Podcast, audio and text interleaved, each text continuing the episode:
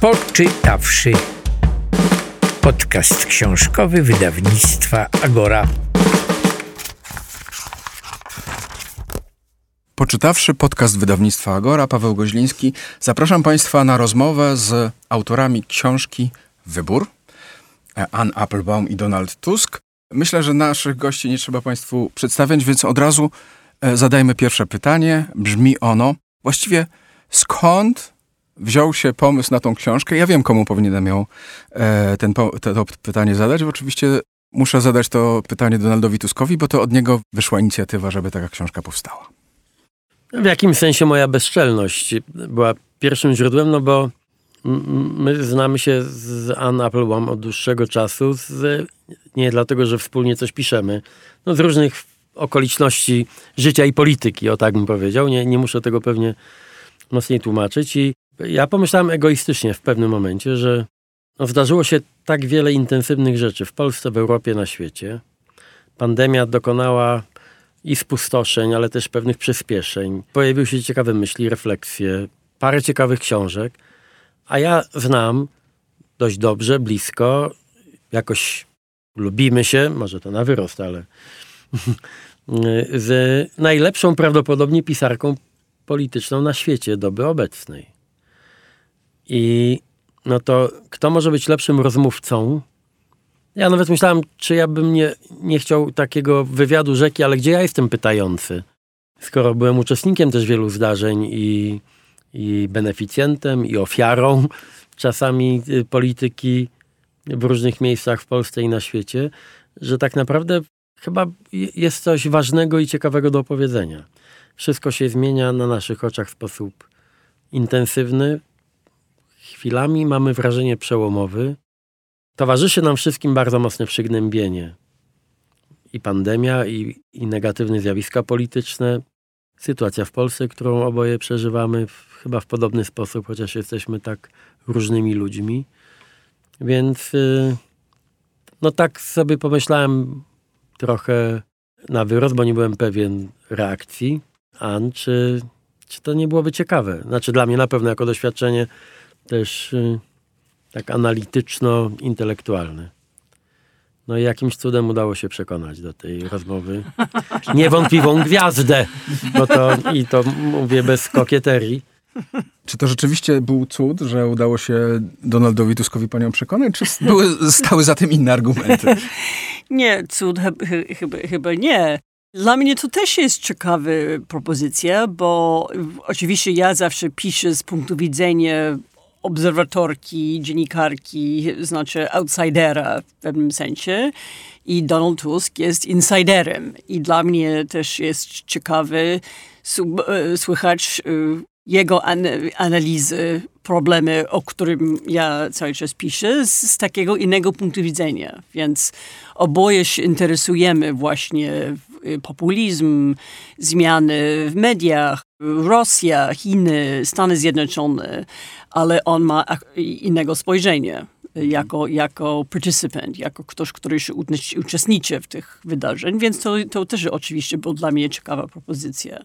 No szczególnie, bo ja bardzo normalnie piszę książki historyczne i tu jest jakieś możliwości pisać książkę o, z, z człowiekiem, który jest część współczesnej historii i po angielsku się mówi, że dziennikarstwo jest the first draft of history, to znaczy pierwszy wersji, per, mhm. wersji historii i, i to, to właśnie miałam to na myśli. Powiedział pan, że znacie się od jakiegoś czasu. Czy wzajemnie czegoś się w czasie powstawania tej książki o sobie nowego dowiedzieliście? No ja o tym wiedziałem wcześniej, choćby z relacji małżonka Anny, a mojego przyjaciela, czyli Radka Sikorskiego, że na pewno będę zachwycony okolicznościami rozmowy, czyli tym, co będzie podane do stołu, bo okazało się, że Anna jest nie tylko myśl, polityczną myślicielką, ale też uparła się, żeby włożyć wysiłek który, się, który jest wysiłkiem okraszonym, okraszonym wielkim talentem, żeby nas też częstować. Zresztą pan redaktor niech nie udaje, że nie wie o czym mówię, bo miał okazję uczestniczyć w tych, w tych spotkaniach. Tak, uważam, że Anna Applebaum jest również reformatorską kuchni polskiej. O, dziękuję bardzo. Sam zresztą w, w, w, wiemy coś o tym, bo i literatura na ten temat też już powstała. A mówiąc zupełnie serio, to jest coś, co jakby w dobie obecnej, kiedy patrzę tak na to, co się dzieje na świecie, co się dzieje między ludźmi, co się dzieje w polityce. Teraz, kiedy wróciłem do polityki bieżącej, widzę to nawet z jeszcze większą ostrością, jak strasznie trudno, prawie niemożliwie. To jest prawie niemożliwe, żeby uzyskać taki trochę, no powiedzmy w lekkim cudzysłowie, grecki dystans do tej bieżączki, do tej gonitwy, do tej do tego zero-jedynkowego klikania algorytmów, etc. Czyli żeby mieć czas na, na debatę, która jest też w najlepszym tego słowa znaczeniu biesiadą. Znaczy, czyli, że ma się czas, że można przez kilka godzin porozmawiać na serio i trochę głębiej. I przy okazji zjeść obiad, obiad w dobrym towarzystwie. I pójść na spacer w parku. I wrócić do tej rozmowy. I nagle się okazuje, że, że można znaleźć coś więcej w, tej, w czasie tej rozmowy E, jeśli chodzi o zrozumienie polityki i poszukać trochę innych punktów widzenia.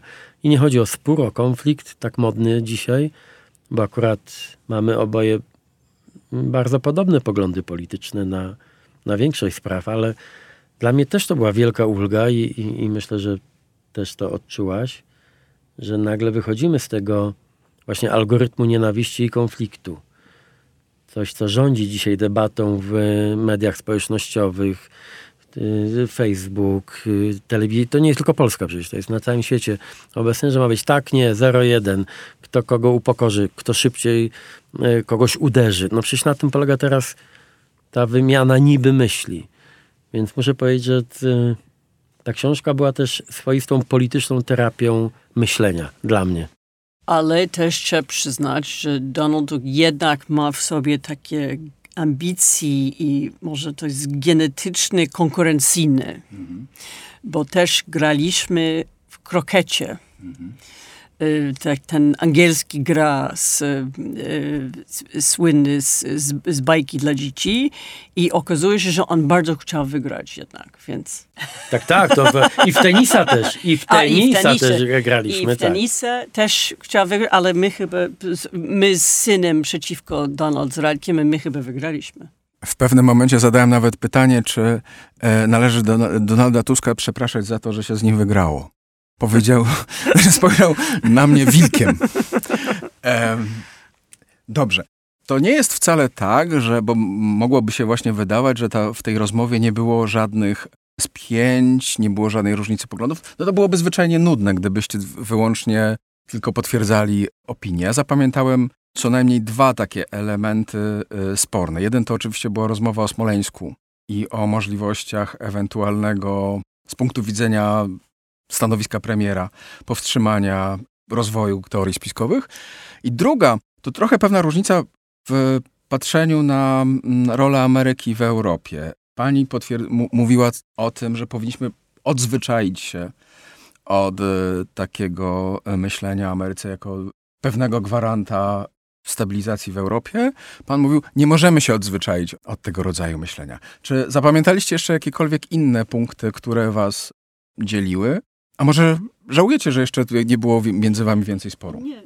Y, wie pan, to y, y, mi się wydaje, że sukces tej książki, jeśli on jest sukcesem, jest to, że to nie było tak, że różnimy się, musimy się kłócić i tak dalej, ale patrzymy na podobne problemy z różnego, z, z innego punktu widzenia. Więc może się zgadzamy ogólnie w analizie sytuacji, ale ja mam kompletnie innego doświadczenia życiowe niż Donald, więc y, mi się wydaje, że interes w tej książki jest właśnie w tym. Nie w tym, że nie zgadzamy w czymś, czy kłócimy, ale to, że, że widzimy podobne, mamy podobne konkluzje, ale z innych procesy myślenia. Mm -hmm. Ja w ogóle myślę, że to też jest dużą zaletą tej książki to, że udało się wam jakby rozszerzyć mapę myślenia o polityce. To znaczy zwykle w tej e, bieżącej rozmowie o wokół newsów zapominamy o tym, w jakim stopniu to, co dzieje się e, u nas jest wpisane w pewne e, ogólniejsze procesy, które rozgrywają się globalnie. Czy to też był ten element ulgi, znaczy, że można inaczej myśleć o polskiej polityce? Wrócę jeszcze do pytania o mhm. różnicę poglądu, tak, tak. Bo, bo ja akurat pamiętam chyba taki najgorętszy spór, paradoksalnie dla Ann, Angela Merkel była pozytywną postacią w kryzysie migracyjnym i mieliśmy tu różnice zdań na temat roli, jaką odegrała Angela Merkel w pierwszej fazie kryzysu migracyjnego. A ja miałem i mam do, do, do dziś mocno krytyczny stosunek do jej pierwszych reakcji, co nie zmienia faktu, że oboje uważamy, co było dla nas bardzo ważne, bo w czasie ostatniej rozmowy zaczął się na nowo bardzo poważny kryzys migracyjny na polskiej granicy wschodniej, że na końcu trzeba szukać praktycznych rozwiązań, a nie protest albo niekończących się debat, albo co najgorsze i najczęstsze, politycznych biznesów na, na, tym, y, na tej y, tragedii migracyjnej. I tak, no wtedy się lekko pospieraliśmy, ale dla nas było bardzo ważne nie, żebyśmy szukali, szukali za wszelką cenę zgody lub sporu. Tylko to też jest odpowiedź na to pytanie o jakieś poczucie komfortu czy satysfakcji na tle tego, co się dzieje na przykład w polskiej polityce. Ja czułem się wyjątkowo zwolniony z obowiązku takiej walecznej czujności i tej, tego ducha konkurencyjności. Znaczy, że musisz trzymać tarczę i miecz, że zaraz ktoś cię uderzy, ktoś cię oskarży, musisz odpowiedzieć, uniknąć ciosu. Był wreszcie taki moment, taki oddech, gdzie można naprawdę zastanowić się też wspólnie nad tym, co, co ważne i ja nie wiem, czy myśmy to powiedzieli na początku rozmowy, ale myśmy zaczęli tę rozmowę, kiedy, kiedy się jakoś przekonaliśmy, też przy pomocy mm, Radka Sikorskiego, który był od początku adwokat, adwokatem mojego pomysłu. No, Ann na początku słusznie zauważyła, ja raczej piszę książki niż rozmawiam. Nie jest autorką wywiadów. No, ja miałem jakiś argument. Ja też powiedziałem, że jak już zdarza mi się, to też piszę. Też nie jestem autorem wywiadów i znaleźliśmy tutaj porozumienie, że taka uczciwa, otwarta i nie, niepospieszna rozmowa będzie chyba dobrą, dobrą formą. Ale zaczęliśmy tę rozmowę przed moim powrotem do polskiej polityki. Co też od początku zbudowało, moim zdaniem, taki dobry dystans do tego takiego panicznego, nerwowego wibrowania wokół polskich zdarzeń, bo od początku wiedzieliśmy, że nie chcemy komentować dzień po dniu, no bo wiadomo, rozmawiasz, spisujesz, książka ukazuje się, a już przeleciały trzy cykle tak różnych spraw. I ja mam taką nadzieję przynajmniej, właśnie jestem prawie pewien, że udało nam się opowiedzieć kilka ważnych rzeczy, które wytrzymują to tempo zmian, które nadaje rytm dzienny, a czasami wręcz godzinowy y, polityce. Tak, ja myślę, że w książce jest zdrowy dystans między tym, co jest e, bieżące i aktualne, a tym, co pozwala właśnie spojrzeć na bieżące wydarzenia z dystansu i z odpowiednio szerokim kontekstem i tłem. Rzeczywiście czasami mówimy o dystansie i o spokoju, ale czasami to była gonitwa, bo kiedy zaczynały się wasze rozmowy, no bardzo wielu rzeczy jeszcze nie wiedzieliśmy. Znaczy nie wiedzieliśmy, co się wydarzy na granicy polsko-białoruskiej, nie wiedzieliśmy, na jakim etapie będzie pandemia. No, nie wiedzieliśmy na przykład, że się e, zjednoczy węgierska, e, węgierska opozycja. Wiele rzeczy się działo to jeszcze było przed wycofaniem się Amerykanów z Afganistanu. Te wszystkie informacje musiały być uzupełniane, ale mam wrażenie, że ten ciężar newsów nie jest przytłaczający. Nie wiem, jak e, wy o tym myślicie. Nie, no bo, bo tak naprawdę rozmawialiśmy o, o bardzo podstawowych kwestii. Znaczy, to nie było o, o codzienny, co, to co się dzieje dzisiaj, ale, ale na przykład nasza rozmowa o Rosji i o wpływ rosyjskie w Europie i szczególnie ten wpływ na skrajne prawicy w Europie, e, no to, to rozmowa było kilka miesięcy temu, a okazuje się, że w tym tygodniu, jak Kaczyński zaprasza Marine Le Pen do Warszawy, że on jest jak najbardziej aktualny. To, to znaczy, że jak jak wybierasz tematy, które zawsze będą ważne i które się powtarzają cały czas, bo są, bo są głębsze niż y, codzienne jakieś wiadomości, no oni zawsze będą znaczenie. No, możemy y, jeżeli rozmawiamy o Chiny, czy o Rosji, czy o Stanach Zjednoczonych, no to są tematy, które nie zniknie. No to tematy, które będą, będą wrócić w tym roku, w przyszłym roku i potem. Jest kilka takich elementów w tej książce, które mogą czytelnikowi umknąć w takim, w takim pierwszym szybkim czytaniu. Na przykład jedna rzecz, która mnie e, fascynowała w sposobie, jakim, w, jakim pani opowiada. Bo to było cudowne, że nie ma konfliktu między tym, kiedy pani mówi właściwie e, z perspektywy Polki, z perspektywy Amerykanki, a czasami Brytyjki. Pan też powiedział w pewnym momencie, że nie ma konfliktów e, panu między tym, żeby czuć się jednocześnie Polakiem, Europejczykiem i Kaszebą, chociaż w kolejności Polakiem, Kaszebą i chyba Europejczykiem. Więc ta książka jakby też również toż, jakby tożsamościowo wykracza poza taki y, schemat myślenia o sprawach o polityce.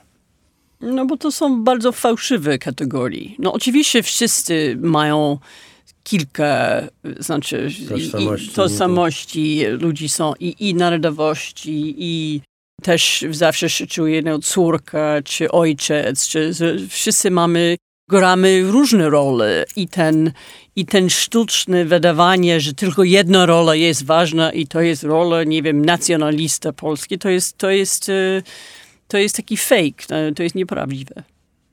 Jeszcze wracając na sekundkę do poprzedniego pytania. E, jak myśmy zaczęli nasze rozmowy, to też ja na przykład nie wiedziałem, że zostanę szefem Platformy. Znaczy to nie było jeszcze rozstrzygnięte. E, mimo, że było blisko tego momentu. Mówię o naszej pierwszej rozmowie o tej książce.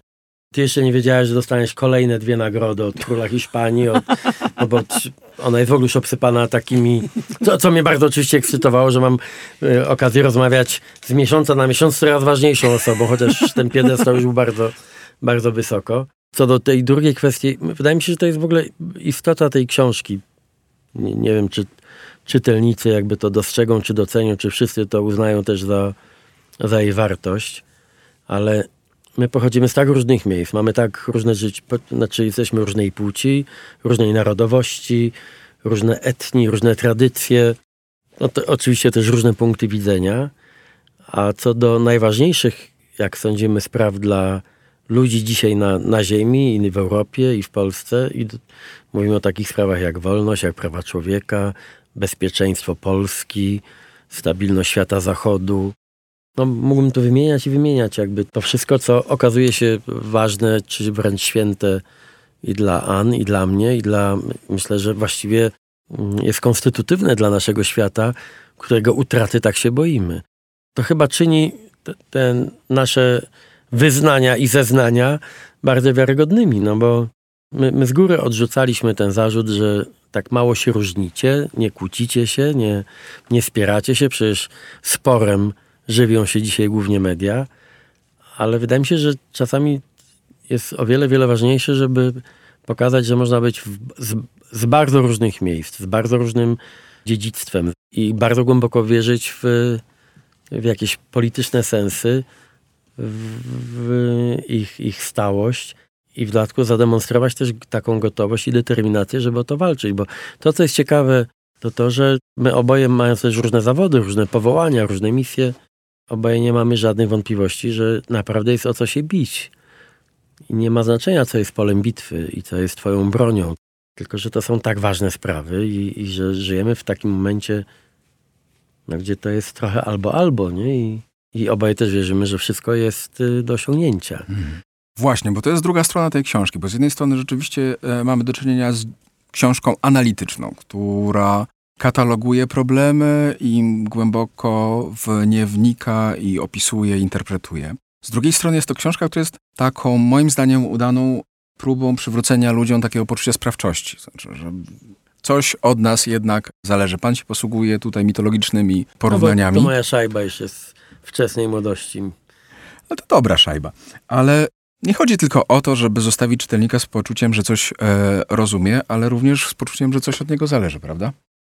To, że my musimy powiedzieć od siebie i oboje w to wierzymy, w tej książce, ja miałem taką świadomość, że chciałbym bardzo też rozpisać swoim głosem czy językiem to, co Ann Applebaum napisała w, w puencie swojej słynnej książki Zmierz demokracji, też y, przez was, y, y, polskie tłumaczenie przez was wydane.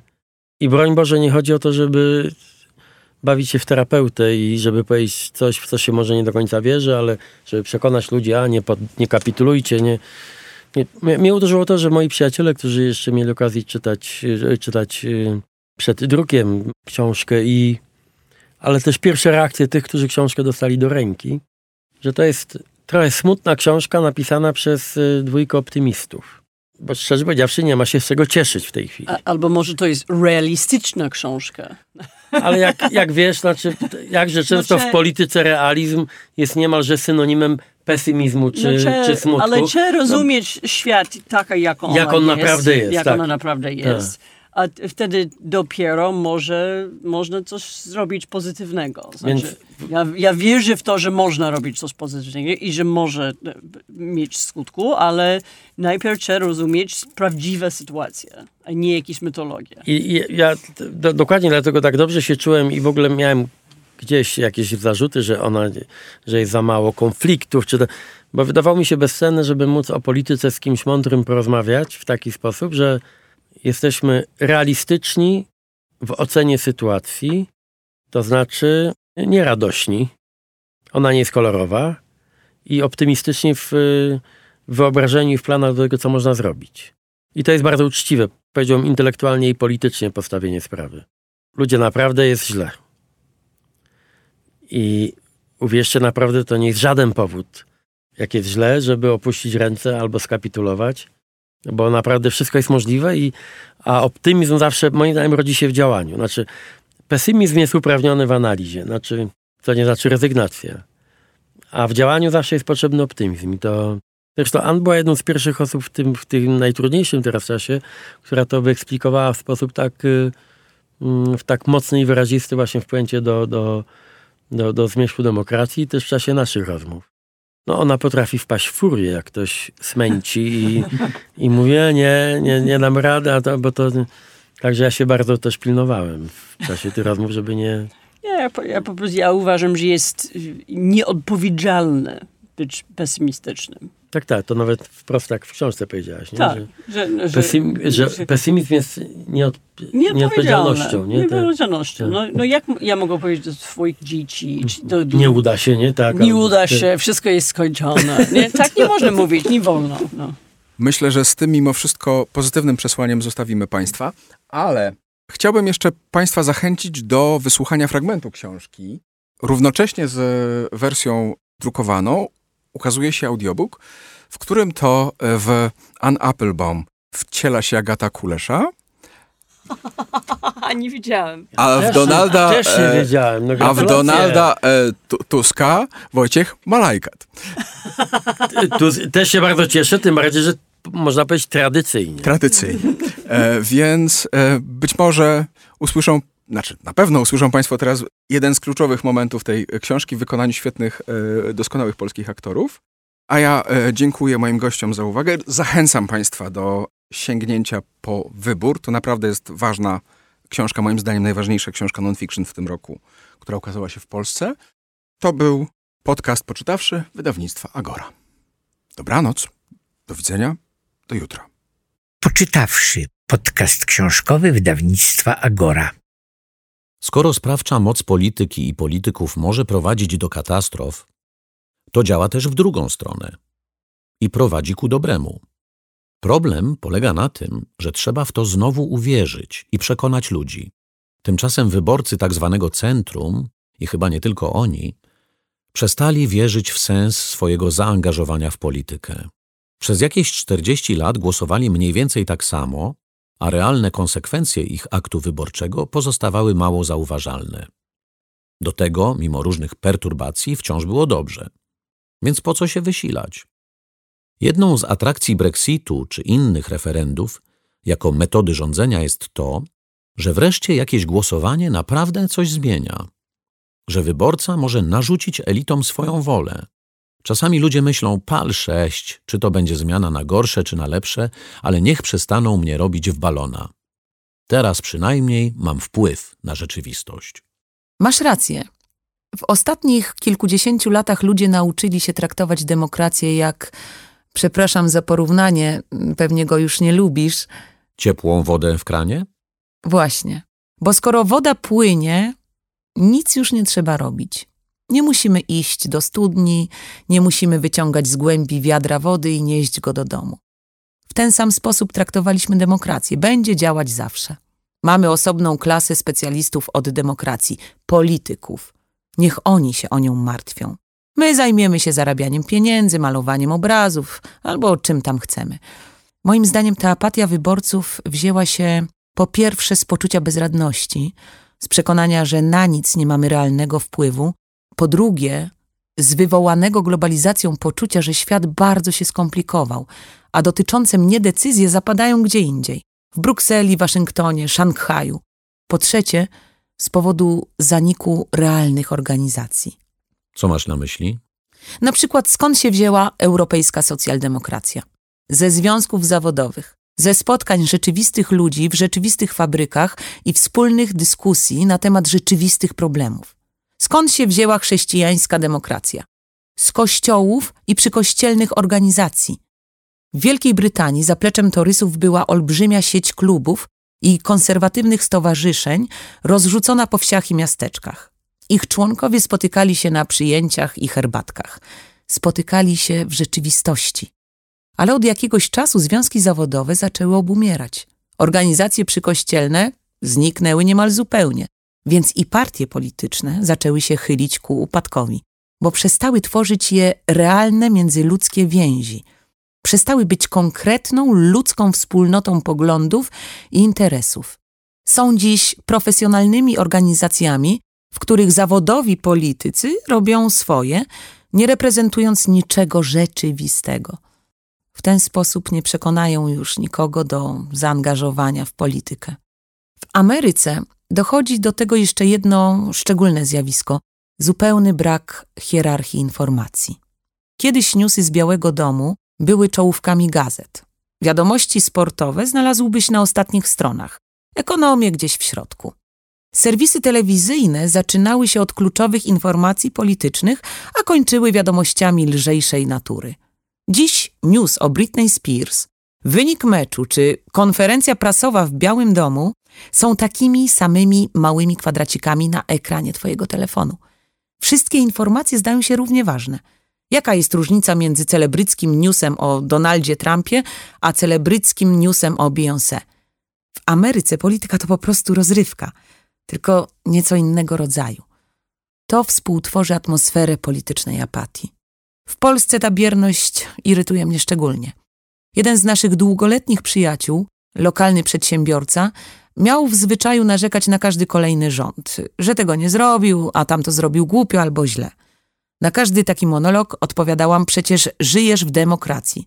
Skrzyknij swoich kolegów biznesmenów, napisz artykuł do gazety, zapisz się do partii politycznej, zrób coś. Zajęło sporo czasu, zanim do niego dotarło, że rzeczywiście mógłby mieć jakiś wpływ na to, co się dzieje w Polsce.